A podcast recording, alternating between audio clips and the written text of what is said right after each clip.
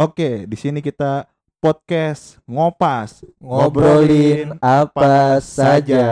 Oke. Jadi di sini kita podcast baru ya, podcast terbaru lah ibaratnya gitu. Di sini gue pengen perkenalin diri gue dulu. Nama gue Bayu Akbar Alfarizi dan teman gue. Nama gua Rizky Maulana. Ya jadi kita di sini sama-sama mahasiswa lah. Apalagi gue mahasiswa basi mungkin dibilangnya nggak lulus lulus. Terus udah keseringan ngeliat adik kelas lulus duluan yang rasanya tuh eh gitu kesel banget gitu. Kalau tadi kawan gua sampaikan dia nggak lulus lulus, gue juga bingung sama diri gua yang nggak tahu gua kapan gua lulus. Tapi harapannya sih gua secepatnya bakal lulus karena gua orangnya pengen merit gitu. Ya, Oke, jadi udah ini ya gerakan nikah muda gitu ya. Nah, jelas. Karena nggak Oke. mungkin kalau gua merit, gua masih status mahasiswa. Tapi Oh. banyak loh yang masih mahasiswa tapi udah nikah. Kayaknya itu nggak berlaku deh di gua.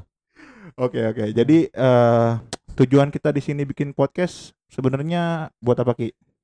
Sebenarnya ini berangkat dari ya sifat kita yang kita bingung mau ngapain sebenarnya ya.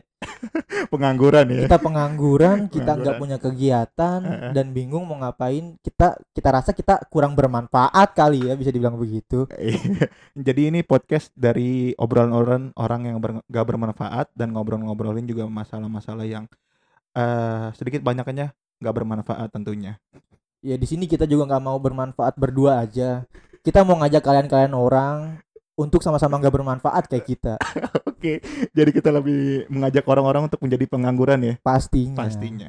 Ya jadi buat para para manusia-manusia pengangguran di alam semesta ini yang mungkin dirinya udah nyatu gitu sama rak piring atau enggak nyatu sama kasur kapuk bisa dengerin podcast kita berdua ini.